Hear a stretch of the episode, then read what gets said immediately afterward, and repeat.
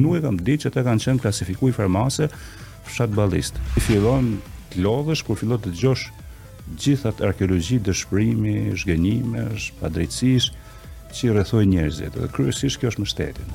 Në politikë nuk artikulohet sepse është çështje votash, por elita politike e nënkupton që ky popull kaq meriton. Kjo shoqni etjen më të madhe e ka për të vërtetën edhe për të drejtën. E anasjellta e këtyre është atëherë gënjeshtra dhe padrejtësia. Ne po rrimë si provë mm. e padrejtësisë apliku mbi ne, se kemi dalë sepse shteti është bë industri e përçmimit njerëzve. Po ta them unë që është bërë demokraci në Shqipëri, çdo njeri që kam taku këto 46 fshatra që kam shku këto 2 vite qesh me mua. Shqiptarët kanë një aftësi, për shkak se kanë jetuar shumë kohë në padrejtësi, e kthejnë në humor. Ky vend po shndërrohet me një koleksion e me një panair të madh padrejtësish po duket. Që në këtë moment ka shku dëshpërimi në marrëdhënie më intime. Kështu që të tri opsionet janë. Të tria janë të këqija, domethënë janë dëshpëruese. Eksodi është shpopullimi. Çfarë mund të presim nëse vazhdon kjo konstante, nëse nuk ndodh asgjë tjetër? Do kemi lidera pa shoqëri, po të vazhdojnë, do të qeverisin boshin.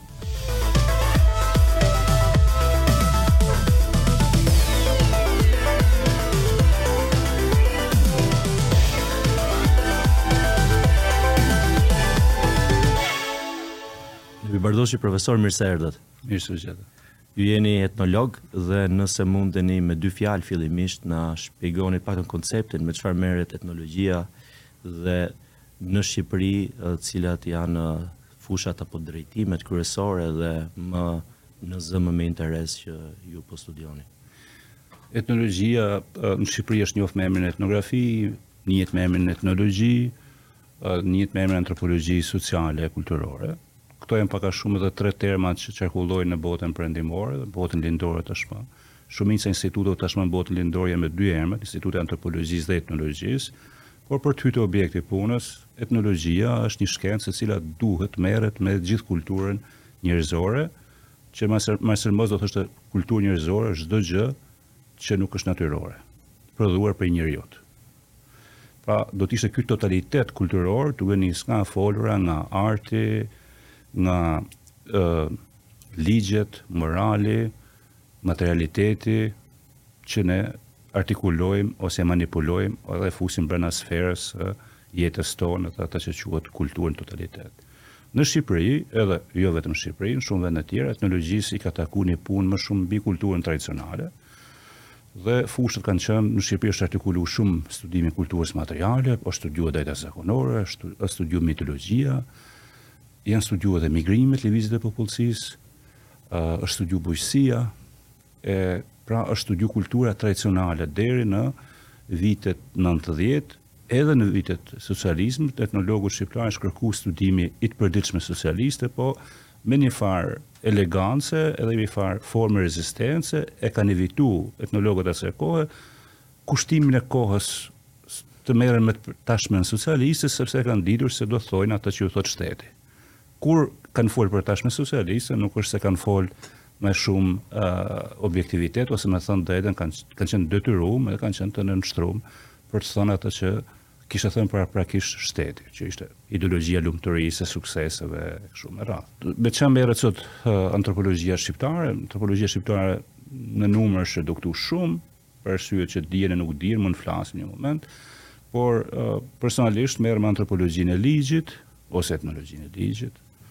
ë tentoj politikës dhe të shtetit, jam marrë me kanunin në kuadër të antropologjisë të ligjit, të së drejtës, por më shumë e kam pa në kuadër njëfarë dialektike të ligjit kanunor me ligjin shtetëror, nuk e kam pa të ndam një botë prej tjetrës, u mundu me e pa si e shohin njerëzit botën, pra si kanë jetu me sisteme edhe të ndryshme ligjore, se njeriu është qenie e gjallë, nuk rrin kollaj brenda një sistemi, edhe kolegë të tjerë zhvillojnë antropologjitë e minoriteteve, modernitetit, materialitetit.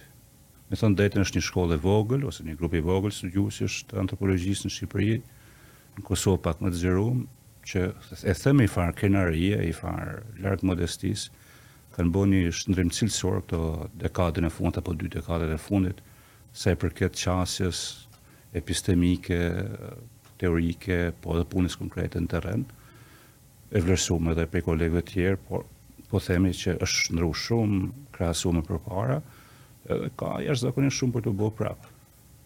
Jashtëzakonisht shumë.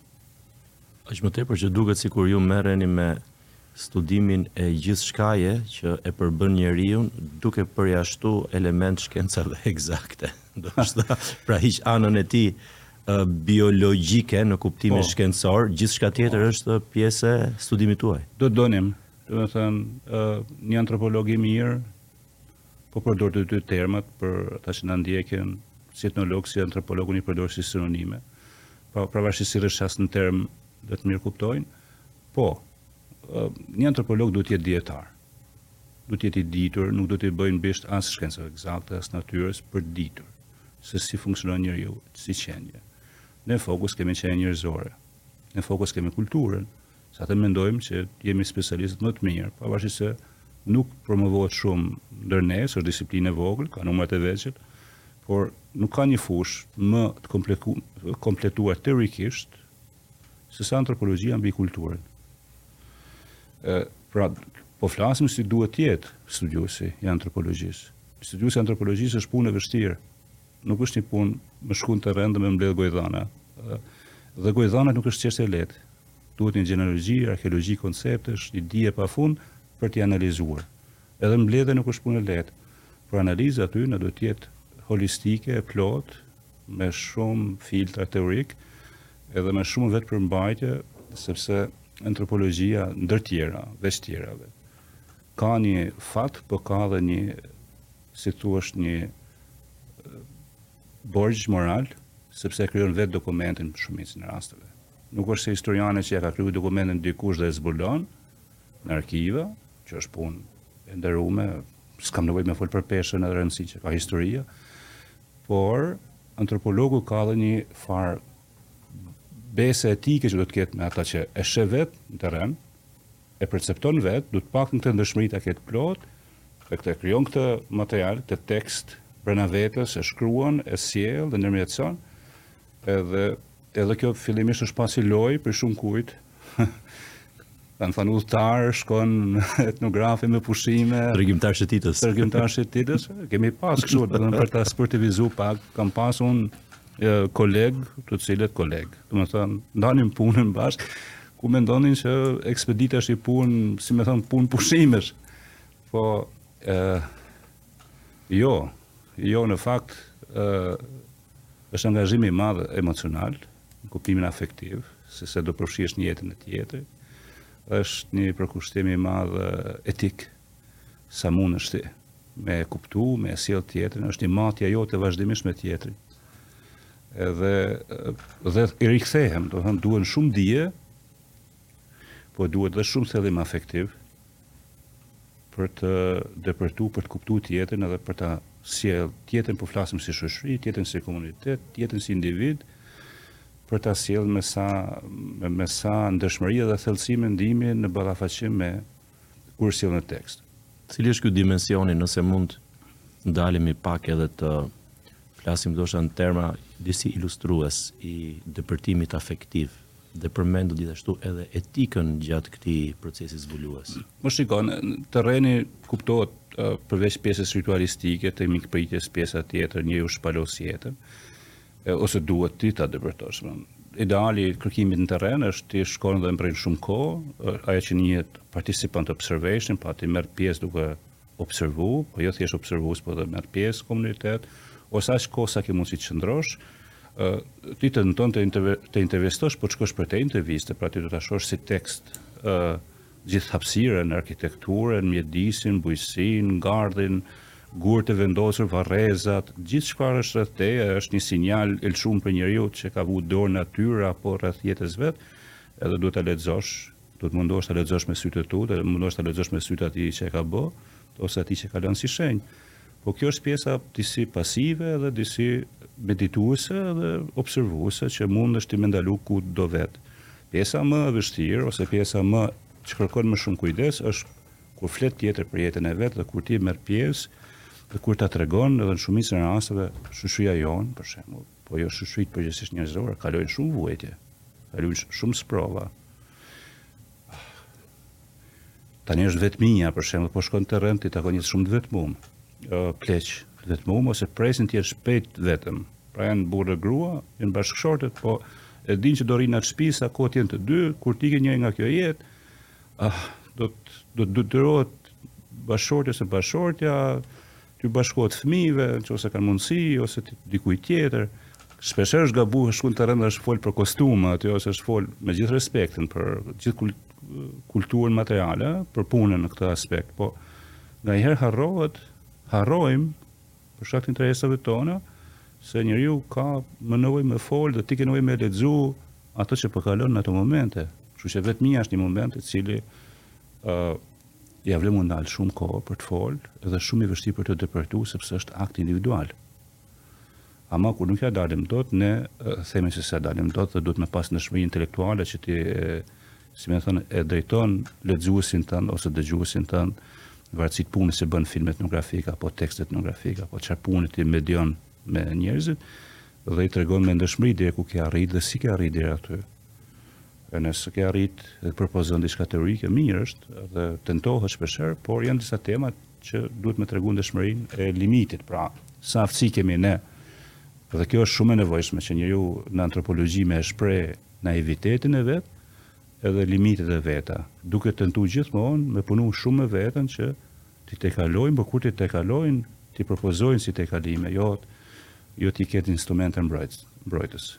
Meqë po flasim pak më shumë për punën në terren, që është edhe më burimi i studimit të vërtetë dhe ballë për ballë me njerëzit. Ku ka qenë themi zona e fundit që ju keni vizitu vetë edhe me çfarë jeni përballë, çfarë keni ndesh atje dhe që mund të ketë qenë element që ju ka bo të mendoni, ose ka qenë të tërësisht, ose pjesërisht i papritur? Të papritshmëria përgjithësisht për fatin tonë të keq jetojmë në shoqëri të të jashtëzakonshmeve që shpiken çdo ditë dhe është është ulur pak kjo ideja që ti mund të takosh diçka të papritur, po gjithmonë takon njerëz të tjerë, njerëz që s'i ke prit që nuk e ke menduar se çfarë natyre po takon. Okej, okay, kam punuar dy vite të fundit, tre vite të fundit, kam punu shumë fshatat e Shqipërisë. edhe më ka bo shumë përshtypje Zhulati, Zhulati në Gjirokastër, që i përket Kurveleshit, kam taku njerëz të cilët uh, kanë një narrativë, pra rrëfimtari të adhurushme, sepse është një aftësi me tregu jetën, edhe me dit me ta tregu, dhe me pas forcë me ta tregu, kryesisht pleq, ose më mirë të themi pothuajse tërësisht, tashmë jetojnë pleq në atë fshat. Zhulati ka qenë surprizë për mua për disa arsye, janë arsyet e mia. Unë e kam dit që fshati Zhulat ekziston, për shkak se unë merrem me antropologjinë e kanunit, siç thashë, edhe në Zhulat e kam ditur, kam lexuar Rrok Zojzin dhe studiues të tjerë Ismet Elezin e tjerë, të nderuar të dy si studiues, ku flasin për lindjen e Kanunit të Labërisë edhe Papazhuli që i ka dhënë emrin mbi emrin e tij fshatit dhe Idriz Suli, dy reformatorët e jetës kanunore në Labëri janë prej Zhulatit. Kështu që për mua ka qenë si vend mitik, domethënë toposi e antropologjisë së Kanunit, unë kam qenë, si me thënë, duke duke shku për herë të parë para dy vitesh në fshatin që e kisha lexuar shumë dhe është ishte isha kureshtar shumë. Edhe kam gjetë aty të dhana plot që rikonfirmojnë dhe njerëz kanë vetëdije për për këtë identitet që kanë bart, po për shembull nuk e kam ditë që ata kanë qenë klasifikuar në farë mase fshat ballist. Pra, si me thënë ti zbulon që fshatrat kanë pas një farë identiteti politik gjatë kohës së Partisë së Punës që kanë pas pothuajse kolektivisht shpeshherë një fshat me emër jo të mirë. Pra, ka pas shumë ballista aty dhe ka marrë emrin, si me thënë, pak a shumë, jo zyrtarisht, po Pikëpamja shtetërore, syri i shtetit mbi to ka qenë ose i partisë ka qenë se këta janë jo me biografi të mirë. Edhe unë e di në një farë masë e kuptoj se shumë njerëz aty u është ndërpre karriera, jeta, mundësia, edhe kjo vjen edhe nëpërmjet rrëfimit të, të disa mikpritësve tanë në terren. Kështu që më ka ngel në mendje kjo, më ka ngel në mendje bëj padrejtësi, se unë përgjithësisht përpiqem të përfshihem në çdo realitet që shkoj, se e kam dhe punë, po dhe mendoj që është një një farë shtyse, farë nevoja imja, mm, Mati më ka bo shumë përshtypje, për shumë. Specifikisht Macukulli i Matit. Edhe Bushkashi në Mat, më kanë bo. Bushkashi më ka bo përshtypje për tregimin për tjetrin, për jetën, edhe për lidhjet sociale që kanë brenda fshatit, është diçka specifike, është një koncept që është koncepti i mështetjes, ku dy fise bëhen si aleat mes tyre, një fis më i vogël i bëhet mështetje fisit më të madh, herë merr mbiemrin, herë merr mbiemrin e tjetrit. Protektorat? Jo, jo më ndoshta vetë fjala mështetje, gjuha shqipe ka Nuk e di si e ka origjinën ose etimologjinë, po është si një farë është një farë protektorati, por ka dinjitet shumë brenda në sensin që nuk është inferiorizim i tjetrit në shërbim të të fortit, por është një njohje, një farë shkëmbimi i emrit, dinjit, identitetesh, po po e mbyll këtu këtë, më ka bërë përshtypje kjo. Macukulli më ka bërë përshtypje veç tjerave ndërtesa, shtëpia e jashtëzakonshme e bukur, edhe njerëzit patjetër, po për njerëzit në Shqipëri nuk është ky është vendi i paradokseve, po në Shqipëri nuk është habi që ti takon shumë njerëz të mirë. Dhe është e çuditshme se si s'ja kemi dalë kolektivisht me ndërtu diçka aq të mirë sa individë takon të mirë. Edhe këtë e kam prej eksperience, tashmë mund ta them. Kur më thuhej kjo dikur para 20 vitesh kur kam nisë punën, unë kam qenë shumë cinik edhe skeptik, edhe thosha, okay, Po ku është kjo e mirë? Kjo shoqëri është shumë e mirë. Si njerëz. Kur vim kolektivisht, diçka nuk na ecë në, në organizim. Por si etnograf nuk vuan se s'po të mirëpresin si studiues. Ti fillon të lodhësh kur fillon të dëgjosh gjithë atë arkeologji dëshpërimi, zhgënjimesh, padrejtësish që i rrethojnë njerëzit, edhe kryesisht kjo është me shtetin.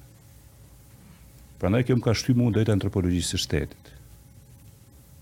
Nuk kam pas ndërmend të kaloj. Sa desha t'ju pyes sa ekziston një fushë apo një studim pikërisht për të analizuar, për t'u mundu me mat me kuptu këtë mos funksionimin kolektiv dhe ju po thoni është Po, domethënë, ne kemi pas dy pyetje, një pyetje më të madhe, kolektive shqiptarë kemi pas, na e kanë vendos tjerët, po kemi trajtu dhe mes nesh, a mund të bëjmë shtet? E kemi shpallë se po, e kemi bë, e kemi dalë, ashtu si kemi dalë, uh, por, kur vje puna si ta organizojmë shtetin, nuk kemi ditë me ndërtu një shtet i cili jep dignitet njeriut. Po, kemi hum shumë kohë, dhe humim shumë energji duke folë si me ndërtu shtetin, po kemi harru se e para punës shteti është një kontratë, që bëhet në shërbim të individit e të njerëzve, në qoftë se shumica e shoqërisë të dëshmon se jeton në padrejtësi, shkaktu kryesisht prej shtetit, edhe aktivisht prej shtetit, atëherë duhet me ndalu shumë me fol se arkeologjia është përmbys. Pra ne deri tani kemi fajsu shoqërinë për paaftësi kulturale me ndërtu shtetin. Yes. Por unë kam hipotezën që jo. Shteti u projektu prej elitës shqiptare si një vend që ne duhet të sakrifikohemi për të. Kjo kishte kuptimin në fazën e parë të shtetit komb. Shteti komb kërkon sakrifimin, sakrificën tonë, devotshmërinë me e ndërtu shtetin së pari. Qoftë me luftra, qoftë me rezistencë, qoftë me varfërinë kalimtare që premtohet që do e kalojmë. Por ne kemi një shekull. që i kërkojmë njerëzve të japin shumë e të marrin shumë pak mbrapsht. E pastaj kemi klasifikuar njeriun si inferior, njeriun shqiptar si të paaft. Kemi marrë këtë tezën si subkonsciencë kryesisht. Në politikë nuk artikulohet sepse është çështje votash, por elita politike e nënkupton që ky popull kaq meriton. E në fakt nuk është kështu. Jo se dua ta mbroj, se edhe mbrojtja pa vend është Nuk i bën nder kësaj shoqërie. Kjo shoqëri ka nevojë më shumë se etjen më të madhe ka për të vërtetën edhe për të drejtën. Po në qoftë se ke, sot do të doja me më ndalë shumë kohë për etnografinë edhe për të dy tema, për, për të drejtën edhe për, për të vërtetën. Jan, janë kërkesa themelore, ekzistencialiste të dinjitetit njeriu, sepse njerëzit janë gati me dhënë shumë çka, vetëm se ta shfaqen e t'ju thuhet e vërteta. Që po nuk t'u dha puna sepse ndodhi kjo, kjo, kjo, po nuk t'u dha bursa sepse ndodhi kjo, kjo, kjo, po nuk t'u dha kjo, nuk t'u bë ky investim sepse kjo, po të thuhet e vërteta, është etje në këtë shoqëri. E anasjellta e këtyre është atëherë gënjeshtra dhe padrejtësia. Ja, më fal. Në qoftë se uh, gjakimi është kaq i madh për uh, të drejtën dhe të vërtetën, atëherë mund të thuhet që një pjesë e madhe po përjetojnë padrejtësi dhe po gënjeshtër. Po, Po, ë një burrë që i mençur, por që unë e dua shumë, ë për shkak të etnografisë që kam bërë dhe njohjes që kam pas një etnografi që po merrem me lumejt. ë Abdiu thotë ne jetojmë se ne e bë shumë prej zorit e prej shkak të shumë padrejtësive që ne e bë. Ai farë mase është një farë sarkazme, nuk e perifrazova dhe aq saktësisht, por si me thënë, Ne po rrim si provë mm. e padrejtësisë aplikume mbi ne. Dhe kjo lloj padrejtësie shprehet deri në trup, në mënyrën se si ecin njerëzit, se si flasin, se si se si artikulojnë shtetin me trup kur flasin për shtetin. Gjëja që ata e nisën me një 3-4 reagime në faqe, në fytyrë, me zhgënjim si një kod për të fol që shteti mund të bëjë një herë drejtësi për ta. Dhe këtu duhet me ndalu, dhe më thënë, unë mendoj se prandaj jam spostu shumë, edhe për shumë kam, shumë kam. Brenda grupit studiuesve nuk është që di, po për jashtë komunitetit të etnografëve, një antropologi e shtetit, duket diçka e largët ose jashtë asaj objektit punës. Por thash, unë mendoj se ka qenë, nuk e kam dalë ende, jam duke punu, kam hedhë në shkrim, kam bo në si me thonë, artikulim të këtyne që po them, por jo aq sa kam dasht, por kjo ka qenë për mua, kjo është tema kryesore, tema e dytë është emigracioni. Pra, nëse kemi dy tema themelore, jemi shoqëri e ikjes, pse ikim? Dhe një shoqëri pse s'bëjmë shtet? Kur them shtet, ne kemi shtetin, ku është shteti i Kosovës, e? shtet shqiptar tash 30 vite, me thënë të vërtetën, politikisht në sensin formal, Kanë suksese të jashtëzakonshme. Po as për ashtu si kemi qenë. Kur vim po, unë po nalën brenda Shqipërisë tani për këtë pyetje që ka, se çdo shteti ka bërë më shumë se 100 vite, pse nuk ja dalim ne me bo Commonwealthin ton? Në asnjë shoqëri nuk janë gjithë të kënaqur. Por pse nuk ja kemi dalë dot ne që shtetin ta shohim si çështje tonën, si si kujdesin ton na përket? Edhe ata që janë për të punuar aty, që janë liderët tanë, e kanë detyrë me dhënë llogari, sigurisht kanë dhe çfarë kanë për të bërë punën e tyre si drejtues, me qenë krenar për punën që bëjnë. Dhe gjithë zinxhiri shtetëror. Ka një flirtim me përgjigjen e kësaj pse-së së madhe? Apo jemi shumë largë akoma? pse s'ja kemi dalë? Po. S'e kemi dalë, sepse shteti është bo një industri e përçmimit të njerëzve. edhe në mënyrë si tjetër dhe është industria kryesore e zhgënjimit të njerëzve. Se premton shumë, premton sa s'mundet me u bë dot, kryesisht liderët kryesorë politikë, edhe pastaj premtojnë sepse e dinë se s'kanë për t'i majt ato premtime, nuk, nuk ka një mekanizëm për t'i kontrollu, Njerëzit fillimisht sidomos pas vitit 90 kanë pas shumë shpresë te demokracia, sepse akti i qëndresës së njerëzve për, për të kërku demokraci është fjalë goje, kishte dalë pas 50 vitesh diktaturë, njerëzit gjetën forcë me dalë, është forcë e madhe për të rezistu. Por, kam përshtypjen se shtetërorja jonë, kur vjen puna për t'u ngrit në, në nivel demokracie, diçka nuk shkoi. Jo kam përshtypjen, por nuk shkoi sepse u bënë tre dekada dhe nuk shkoi, nuk u bë demokraci. Edhe kjo nuk ka nevojë ta them unë teorikisht. Po ta them unë që është bërë demokraci në Shqipëri, çdo njeri që kam taku në këto 46 fshatra që kam shku këto 2 vite qesh me mua.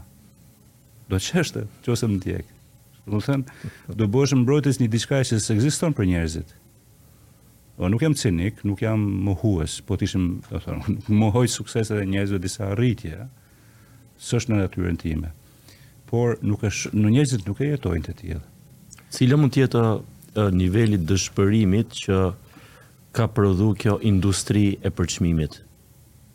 Niveli i kujt? I dëshpërimit. Që shumë i thellë është. Dëshpërimi është shumë i thellë. Ë shqiptarët kanë një aftësi, për shkak se kanë jetuar shumë kohë në padrejtësi, e kthejnë humor, e kthejnë në një farë force, por praktikisht ë një nga shkaqet kryesore që e lënë vendin, pra që prindër më nuk ka argument me thënë fëmijës se pse fëmija të rri më pranë, është kur vjen pyet një nga pyetjet, s'është gjithëshpjeguese, është çfarë do të bëjmë këtu? Dhe prindërit ta thojnë, nuk kam përgjigje për fëmijën tim. Që në këtë moment ka shku dëshpërimi në marrëdhënien më intime. Nuk është një uh, raport i shokut me tjetrin jashtë. Nuk është, është me fëmijën. Dhe po prapë se kur shkon një etnograf, etnografi pyet po dhe pyetet shumë. Dhe kjo është nga pranaj unë edhe e du si profesion, po edhe është kurthi më i madh i saj, se duhet jesh demokratik, duhet jesh dialogues, por pyetesh, herë pas here dhe të pysin, të thojnë, si mendon ti për këtë, se fëmijët e mi po ikin, është. Si do kishe bo ti, a është drejt kjo? Edhe, sigurisht, shumë s'kam përgjigje, nuk është, nuk dua të ikin askush nga ky vend, sepse unë dua të vijnë njerëz tjerë, nuk jam ksenofob, nuk kam përkundër se sa më shumë vijnë, një vend që vijnë njerëz është fat i madh. Ama po se ikin njerëzit për arsimim, për të qenë udhëtar, kureshtar, edhe për një jetë më të mirë, se nuk bota duhet të jetë e lirë, është tjetër gjë. Po ikja se s'kam çfarë bëj këtu, Prandaj e quaj ikje. As emigrim nuk më shkon termi. Pranë arratisjes. Po. Është një ikje si një drojë prej vendit tënd, si me thënë, çfarë do të bëj këtu? Si paraqitet në terren, ë se ne më nga ana e gazetarisë ne e ndjekim edhe me shifra, e ndjekim edhe me kënde të ndryshme, duke marrë dhe faktor ekonomik e tjerë, social deri diku, politik. Kemi nganjëherë dhe në nivel kështu histori njerëzore, po tjetër është kjo qasja më holistike, që është edhe shkencore, po dhe holistike tërësore që e vëzhgon në një dritë më të plotë edhe nga kënde të ndryshme. Si paraqitet, po dhe si përjetohet kjo situatë e këtij eksodi të paktën në zona rurale apo suburbane që ju keni punuar dhe më shumë dhe keni punuar gjatë aty. Ajo që është, si, si të thuash, do e përsëris pak veten, po ia vlen ta analizoj. Uh, nuk e kam pas menduar që fshati është boshatis aq shumë, ose të jem më i sinqertë. E kam mendu që jugu i Shqipërisë është boshatis shumë, por kam pas shpresa që shumë zona janë rujt për arsye se burimet ekonomike kanë qenë afër ose diçka. Por gradualisht kam kuptu që edhe në kohën që unë po punoja, Fjala e fundit dhe flitet sot flitet për ikjen e gjysmës së popullsisë pra në statistika pra nëse vitet 90 2005 2000 2002 më falni diçka të tillë kanë ikë 30% e popullsisë dihet eksodi i 90-ës nëntëdhjetë e shtatës në radhë tani ata njerëz nuk kanë pas mundësi të rikthehen ose janë rikthy shumë pak prej tyre janë shtuar, kanë majtë ekonominë e shoqërisë tonë, kryesisht, ne e dimë që me e majtë me remitancat, si burimin kryesor, ai 30% që ka majtë pjesën tjetër të shoqërisë tonë. E tash ka vazhdu pas krizës 2007-2008, ka fillu më rritë kurba dhe është intensifiku vitet e fundit, 4-5 vitet e fundit, sidomos pas 2016-ës. një sërë arsyesh, por arsyeja për mua kryesore dhe e konfirmuar jo thjesht kështu si një parë nga balkoni i studiuesit dhe që ka dëshirë me përçmu politikën, përkundrazi se unë them duhet me u kthy politika, me bë politikë. Pra jemi largu prej sferës politike, por lëmë në një anë këtë argument, njerëzit të thonë që është mbyllë një cikël politik, pra nuk kanë më shpresë në ndonjë parti e madhe. Ma. Dhe partitë e, partinë e madhe ose dy të mëdhatë i shohin si klient, i presin edhe ata. I presin dhe i përcjellin, por nuk kanë shpresë se këto sjellin ndryshim. Edhe këtë po e them prapë se po mos ta them kështu, prapë do të qeshni me mua ata njerëz që kanë folë gjerë e gjatë me ta. Do të jem thjesht i sinqert. Dhe nuk kanë më besim, po pse ka ndodhur ky mbyllje cikli se të dy partitë e mëdha kanë bërë ciklin e plotë kanë bërë cikël dalin në opozitë, kthimi në pushtet, dalin në opozitë, kthimi në pushtet. Dhe asnjëra tani opozita nuk ka aftësi me rishpik veten. Edhe e dim kontekstin, pra me rishpik veten kur them në kuptimin më të mirë reinvent. Me reinvent me nxjerr më të mirën, një platformë zhvillimi, leadership të ri, njerëz jo thjesht të rinj në moshë, po të rinj në vizion, një pranverë thoni. Po duhet një legjitimitet i ri. Duhet një legjitimitet, legjitimitet i ri, se shoqëria ka folë, i ka thënë, nuk të votoj për kaq. Krahu tjetër, që është në pushtet, mjaftohet me këtë dështim, edhe e thellon pastaj këtë, si me thënë, përçmimin, industrinë e përçmimit ndaj shoqërisë, sepse e di se nuk ka kush ta mundin, dhe njerëzit e lexojnë kështu, dhe e thojnë, fati i Partisë Socialiste është të ngeli në pushtet në ciklin e dytë, Krahu tjetër nuk është i aftë me tregu forcën që me, po kur themi forcën për shoqërinë nënkupton me sjell opsionin për zhvillim, edhe pra në botën e njerëzve, sado të thjeshtë të duken, në atë kafen e mëngjesit, bëhet kjo analizë me terma tjerë, më sportiv, më efikas, ndoshta se sa po i parashtoj unë, kur e kuptojnë se loja në politikë është ka kalu një cikl të mbyllur, që do thotë, do ketë vende të reja pune, që do ketë strategji të reja zhvillimi, e kështu me radhë. se e nise pyetjen në fillim të emisionit te raporti i ideologjisë dhe të ndërpreva raportin e ideologjisë me shkencën. Nganjëherë shkenca shqiptare, për shkak se ka dash me bë diferencë të madhe me çfarë ka ndodhur gjatë komunizmit, ku shkenca ishte zotrume prej shtetit, pra ishte shtetëzume, mas 90-s u distancu shumë prej të bërit analizë të politikës. Pra, kemi vërtet fakultet shkenca politike dhe ka njerëz që bëjnë punë të mirë aty, por përgjithësisht shkencëtarët e humaniteteve janë diferencuar, rrinë ose si në rang ekspertësh, japin raporte të ndryshme si ekspertë të mirë, por nuk japin teza politike ose nuk bëjnë analizë të përditshmërisë politike të shtetit bashkëkohor, sepse mendojnë se është një farë një farë sfere se uh, po u fute në atë lojë, do të jesh i anshëm, nuk do jesh sa duhet objektiv, je politik. Në fakt, humanitetet duhet të jenë politike. Duhet të jenë në kuptimin e mirëfilltë politike. Jo të jenë marifetçi, nëse ju teza, po me e tregu, me i bo analizë politike shoqërisë. Shoqëria në vetvete është, fjala në shqip është shumë e bukur. Fjala shoqëri është, vjen prej fjalës shoq, fjalës shok, si mu bë bashkë, dy njerëz. Edhe ne nuk flasim për shoqërinë në këtë term politik, që është esenca e saj. Pra ça i, ça i bën me qenë bashkë dy shokë në shoqërinë tonë, do t'i bënte bashkë politika, në grupe, jo bashkë gjithë, po, me interesat, me vizionin, me perspektivat. Dhe ne kemi humb, mendoj unë, edhe këtu jem të elshusim e thënë, si tezë, me çfarë jam tu punu, kemi humb pikërisht territorin e politikës. Për me e marrë seriozisht politikën. Nuk ka një mënyrë tjetër për të zgjidhur problemet tona kolektive veçse nëpërmjet politikës. Do ishte naivitet me mendu ndryshe. Njerëz, shoqëritë janë, politika është për këtë punë. Edhe ne duhet të ndalojmë për këtë, politikën duhet me e kthy, me e bë serioze. Jo lojë me me me njerëzit, jo lojë për pushtet dhe lojë sa për si performative kështu. E njerëzit e kanë kuptuar këtë, e, po ka nevojë me u kthy ky seriozitet në dialogun publik. Por në qoftë se do shkojmë pastaj për me fol për demokracinë gradualisht. Ka pak gjasa, duket si shumë ka shumë pak gjasa. Shumë pak mungesë sa se duhet presim. Të kthehemi prapë te kjo mençuria gjysmë cinike, vetironike e popullit, dhe një farë kështu reality check pra të qenit esëll përballë tash shpresojmë ishalla uh, kthehet kjo por gjasat janë shumë të vogla në mungesë të saj çfarë duhet të presim ka dy rrugë o do shkojmë në një shoqëri në ikje pra, erozioni do thellohet, pra do ngelemi një shoqëri që do prindërojmë vetëm, do rrimë kush do rri këtu, Ose do kthehemi në politikë, ka një tjetër të mesme që po krijohet shumë territor, duket larg, po po krijohet territor për rishpikje të dogmave totalitariste. Do të dalin një lider populist ose disa lidera të cilët do thonë që si e zgjidhin ata çështjen me këta lloj establishmenti. Dhe njerëzit e lodhur ndoshta do kenë nevojë për një lider që hakmerret. Pa mendu më si bëhet politikë. Kështu që të tri opsionet janë, të tria janë të këqija, domethënë janë dëshpëruese.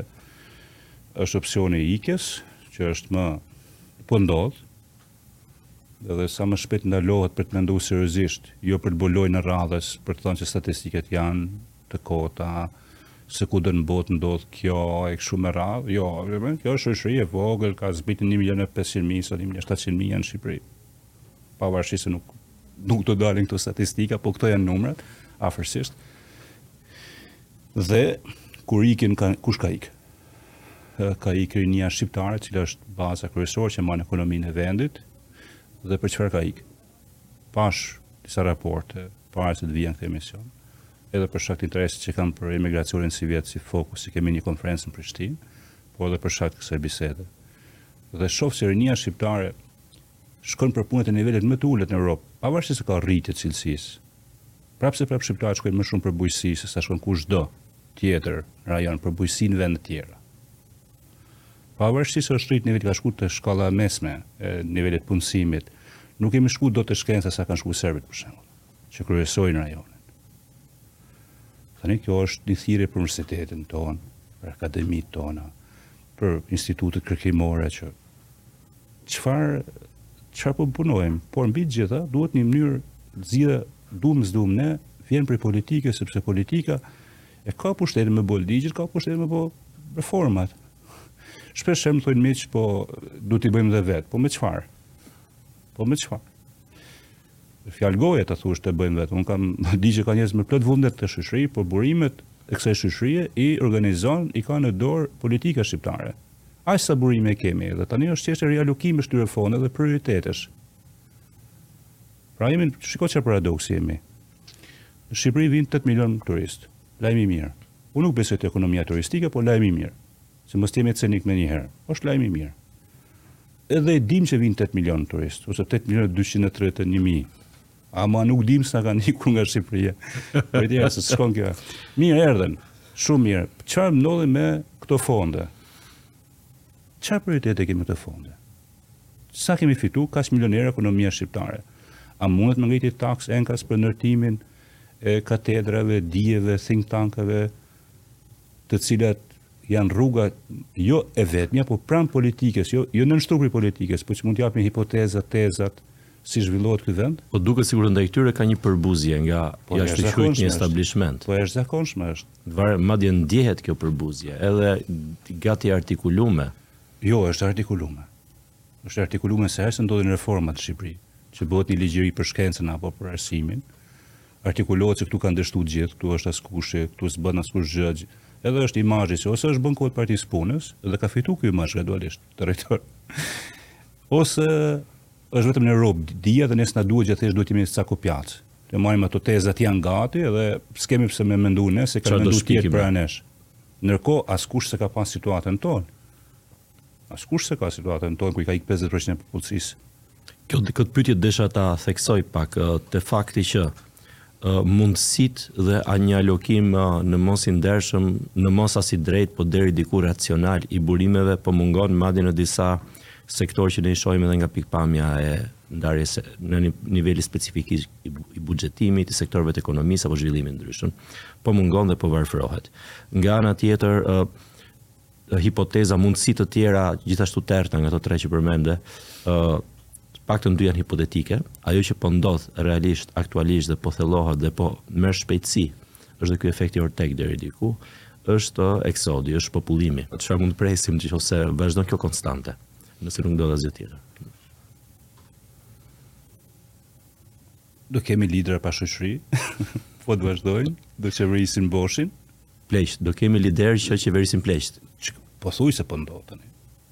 Edhe... është gati nivelin e...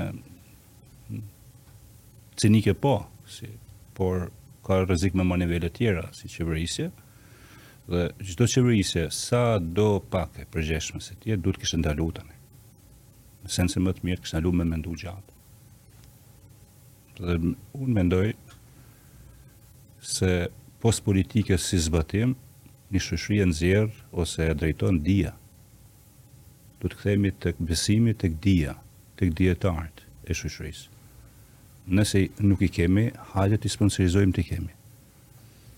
Nëse janë, hajtë të mblidhemi, të provokojmë për t'u mbledhë për të shu teza.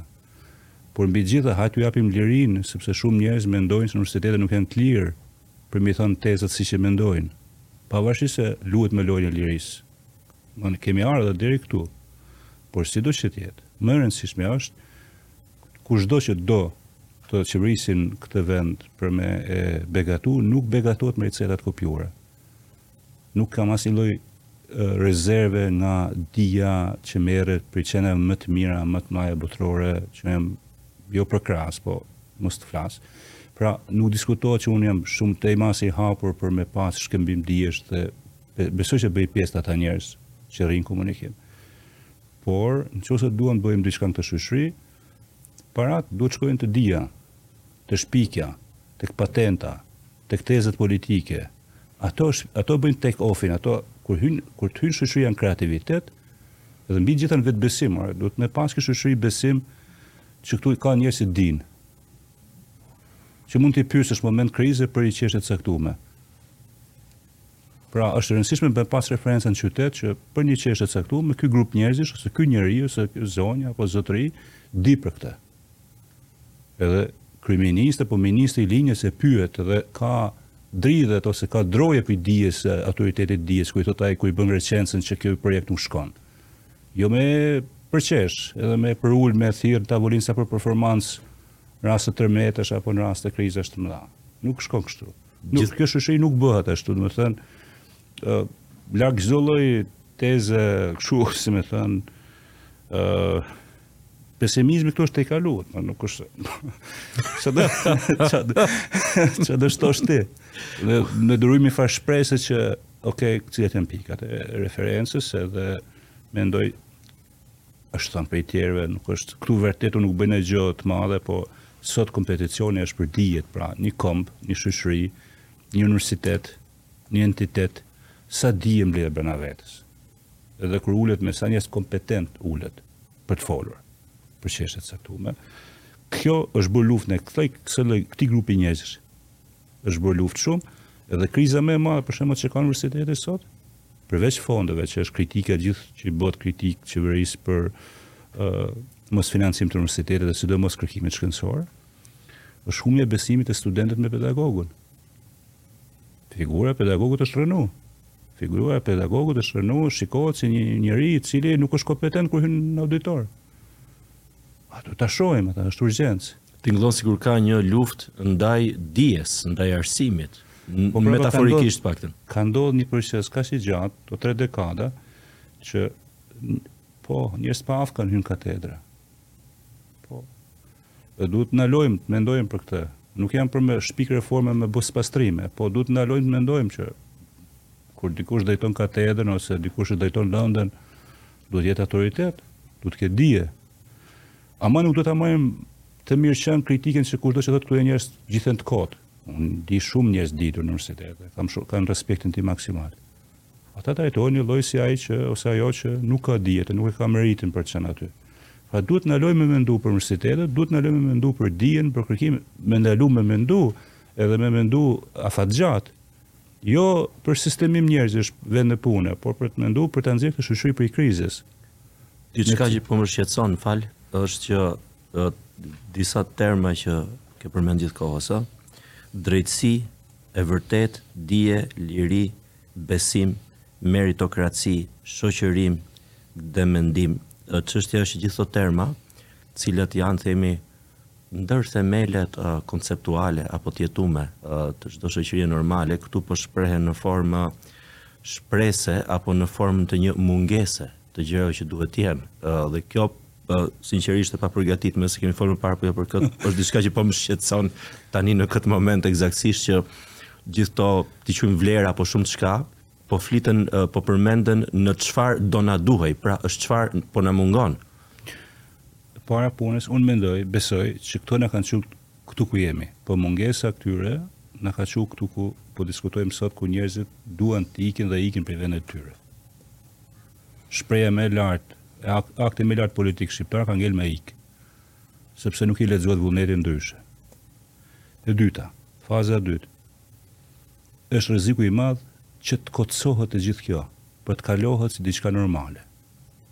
Edhe nëse ne në këtë ndërmjetës nuk ndalojmë me mendu, me çfarë me mendu? Pra, që Abdiu thotë, unë jetoj për shkak padrejtësive që më bëjnë, pra në qoftë se ne nuk ndalojmë Si me e bo një shtet sa më të drejtë? Jo një shtet që zgjidh gjithë problemet. Ato ku ai prek, ku sillet shteti, sillet me dinjitet dhe me drejtësi. Unë nuk besoj që shteti e bën shoqërinë. Runa zot prej atij shteti. Kemi pas shtetin e partisë punës, e ka pas këtë mision me bë shoqërinë, me bë njeriun, jo. Një shtet që sillet me, me dinjitet, brenda hapsirës vetë, pra që qytetari shkon këmbt e veta, shkon drejt, me portofolin e vet, me mundësitë e veta, me terezin e vet, sillet dhe përcillet me dinjitet dhe jep një përgjigje me aq sa i takon ligji. Është gjëja më e thjeshtë. Pra nuk është e pamundur. Është thjesht është humbur besimi te kjo. Dhe në qoftë se ne nuk i rikthejmë këto pika, që ti përmende, besoj që kemi çdo ditë shqetësim në tavolinë, uh, nuk do kemi shoqëri. Nuk do kemi shoqëri në kuptimin e shoqërisë. Jo, a do kemi njerëz këtu. Pra, ajo që po humbasim më shumë, është nocioni i përkatësisë, se sa i përkasim kësaj shoqërie dhe jemi gjithë në një farë ikje prej saj. Nuk duam të identifikohem se i përkasim, sepse gjithë këtë frakturë e krijon mosbesimi dhe zhgënjimi Jo vetëm individuale, po ke edhe kujtesë familjare. Pra ti shkon në shtëpi dhe tregon të njëjtën histori prindërve të tu. Shkon me komshinë pin kafe, tregon histori të padrejtësive. Shkon në punë, ke histori padrejtësish. Pra, po të bëjmë koleksion, nuk kemi një mundësi për të koleksionuar padrejtësitë. Ky vend po shndërrohet në një koleksion në një panajir të madh padrejtësish po duket. Dhe kam një pyetje këtu, ë, uh, nëse më lejon. Po, po. Ë, uh, Marrë, uh, thënë kjo me një buzëqeshje sigurisht, uh, po nga Atë s'do ta humb, asnjëherë, është mirë, ta shohim, ta shohim se na duhet me e pa në sy, edhe mos me humb gëzimin e jetës për për të mu përballë me me këto pyetje. Është një shkrimtar amerikan në fakt që thotë beauty in gloom is still beauty, pra bukuria në në zymtësi është gjithsesi e bukur, kështu që po nga ana tjetër a nuk Po shkojmë në mund të themi të paktën nga si në qoftë si figurë letrare, po shkenca juaj specifikisht, domethënë antropologjia ë ë po ta marrim në çfarë po studion sot tashmë dhe par përballë kësaj ikje mu po, po fillon dhe po më tingëllon si një farë nekrologjie, por që ne po e bëjmë në të ardhmen, jo në të shkuarën e shoqërisë. Një farë koleksionizmi i të keqes ose dëshpërimit ose i vuajtjes së njerëzve dashje pa dashje e kemi bë, Për shembull ne kemi filmu me orë nuk e di, po qindra orë filmime të cilësisë së lartë, intervista njerëzish siç e zure në gojë pak më përpara, intervistat personale janë shumë të rëndësishme. Edhe më vjen mirë që media ka hy edhe te kjo te ky zhanër është shumë prezent, po janë dëshmi të forta, edhe po t'i bëjmë analizë atyre janë flasin shumë për çfarë folëm. Pa pra gjithë këtë arkeologjinë shtresëzimin e padrejtësive edhe të sukseseve të njerëzve herë pas herë, kur ja kanë dalë, i kanë evituar atë. Dhe e kemi koleksionuar këtë dhe kemi bë një arkiv të pasur audio dhe video në Institutin e Antropologjisë Kulturore dhe Studimit të Arteve para një viti, tash Instituti i Antropologjisë. Ë Deri këtu e kemi pasë diskutim a është mjaftueshme, edhe kam miq, aktivistë, kolegë që nuk janë të kënaqur, thonë që po, e mblodhëm dhe okay. Edhe do shkruajmë, edhe kanë shkruajt kolegë. Edhe kjo s'është mjaftueshme. Ajo që un un përpiqem, secili prej nesh përpiqen si këto biseda është për ta në qoftë se Në këtë shoqëri ekzistojnë njerëz të cilët duan që të rruga të kthej për mbarë, pra kjo shoqëri duhet me u ndalu larg çdo lloj mëdyshje që këtu nuk ka diçka tjetër shqetësim përveç se me e bë këtë shoqëri me dinjitet në sensin e shoqërisë, pra që të jetuemit tonë kolektivisht me pas dinjitet, përveç se vajtës në stadium kolektivisht, që është lajmi vetëm i mirë që shoqëron shoqërinë shqiptare, është kualifikimi U shtu dhe një fjalë, dinjitet, kjo mungonte, nga të gjitha fjalët që na mungojnë. Po, po se ajo është gjithë qëllimi i këtyne që thamë liri, barazi, drejtësi, padrejtësi, gjitha këto është kulminacion. Fundi i fundit është për ta për të pas një qenie në këtë hapësirë që na ka takuar me ndërtu shtet së bashku, me pas një qenie me dinjitet, se kemi bo shumë kritika se si na kanë prit tjerët, si na shohin tjerët, si na kanë portretizu e me radhë, shumë herë kritikat i kemi pas drejta, por kemi harru se ajo çfarë i ka ndodhë shoqërisë tonë është nuk jemi ndalu, me, me ndejt larg përkatësisë partiake, s'po themi politike, me folë ballazi që kjo shoqëri ka qenë e begatë në padrejtësi, jo e begatë në aftësinë për me u bë bashkë, me kriju hapësira lirie, me kriju hapësira kreativiteti, me kriju mundësinë që me qenë, si të thuash, qenie me dinjitet, ballas tjerve të cilët, disa ja kanë dalë me thënë, edhe në Evropë, në perëndimore, në shoqëri të cilat, kanë dëshpërimet e tyne, kanë kritikat e tyne për shoqërinë e vet, por kanë arritje më shumë kanë sfida me çfarë kanë mbi shpatullat që kanë trashëgu dhe se si janë të aftë me e shty më tutje, kurse ne kemi shumë për të bërë, për t'dëshmu që politikisht dimë t'sillemi si shoqëri. Uh, I'm lost for words. S'di më ça me thënë në këtë pikë. Uh, ishte, është dhe shumë intense uh, e gjithë kjo, se nganjëherë uh, eksploron duke të gjuajtë, uh, eksploroj edhe me veten uh, rrethana që kam përjetu dhe uh, njerëz që kemi taku dhe për të padrejtësi që dhe ne i ndeshim edhe personalisht, po edhe në nivel profesional shoqni dhe Është pak njëfarë kështu blues për Shqipërinë në në këto kushte, dhe nga pikëpamja shoqnore, ajo që thamë, po, se është kjo, po, njerëz do ketë gjithmonë sikur edhe 200 mijë të ngelen, po, po, a do kemi një shoqëri më dhe kjo është është drama dramatike që perceptohet paktën që tani është në ajër. Resurset, mundësitë që kemi pas kanë qenë të jashtëzakonshme. ajo që na ka mungu është ato lidhjet ku shkëmbehet ndriçimet e njerëzve, dijet, te puna më e vogël dhe te puna më e lartë në kreativitet. Dhe këto për, me, për m'u bo këtë fije, duhen pak para, shumë liri. Dhe me pas mirëbesim tek shoqëria, me e dashë shoqërinë tanë, Në qoftë se nuk e do, mos e përçmo të paktën, me lanë m'u bë. Jo me bë, nuk kemi nevojë për shtet që bën, po me lanë njerëzit m'u bë, me shumë pak para që janë të veta të kësaj shoqërie, nuk janë para të qeverisë, janë para tona, se çdo para shoqëri e qeverisë e buxhetit është e jona, për të shkuar për dijen. Kjo ka gjasat të kthehet më shumë. Pra, në qoftë se shkojmë tek kreativiteti, Shoqërisë i rritet më shumë kapitali dhe mundësia me jetu më mirë dhe më me dinjitet. Në të kundërt, kemi shumë, është kjo situata pesimiste, të cilën i kam bërë bisht shumë vite për të folë, për të, se nuk kam dash me, me ushqy, Kam mendu që jam duke rezistu të ushqyrit e kësaj perspektive, me sa duket mas vitesh punë dhe vjen një moment që thua prej që duhet me, me ndalu, po ka dhe një rezistencë shumë të madhe që njerëzit nuk dun me folë për këto tema, sepse s'ka besim. Edhe kjo më shqetëson pastaj si them, jemi tu hy peng, jemi të kapun n'kurthin e këtij kotësimit me folë seriozisht për, për vetveten kolektivisht.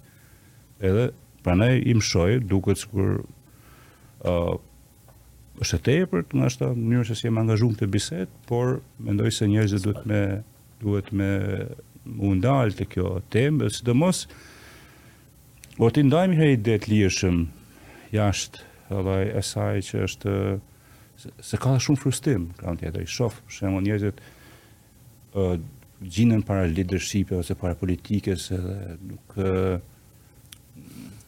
mos ndoshta, mos ndoshta kur të kemi hum jo shpresën, po shpresën këto iluzione që na bëjnë që nuk jemi të gatshëm të dëgjojmë lajme të këqija, pra që nuk jemi gati të dëgjojmë tani dhe kur uh, ne kemi bërë ato pleqtë e së ardhmes, uh, ndoshta duke hum iluzione do mund gjejmë farë kuraje për të besuar te vetja dhe te ça është e dinjitetshme dhe e virtytshme te njerëzorja, ndoshta, se në këtë afat shkurtër nuk duket sikur diçka mund të ketë një rizgjim për mirë, të paktën nga sa janë Shpejt nuk do ndodhi.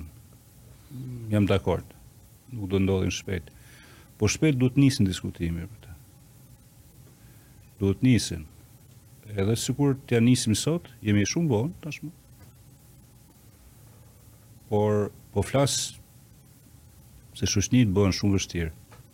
Edhe sidomos te shoqëria që po flasim, janë vështirë, sidomos kur ka kaluar një zhgënjim të madh. Është shumë e vështirë që dikush me besu që un po them diçka se e besoj.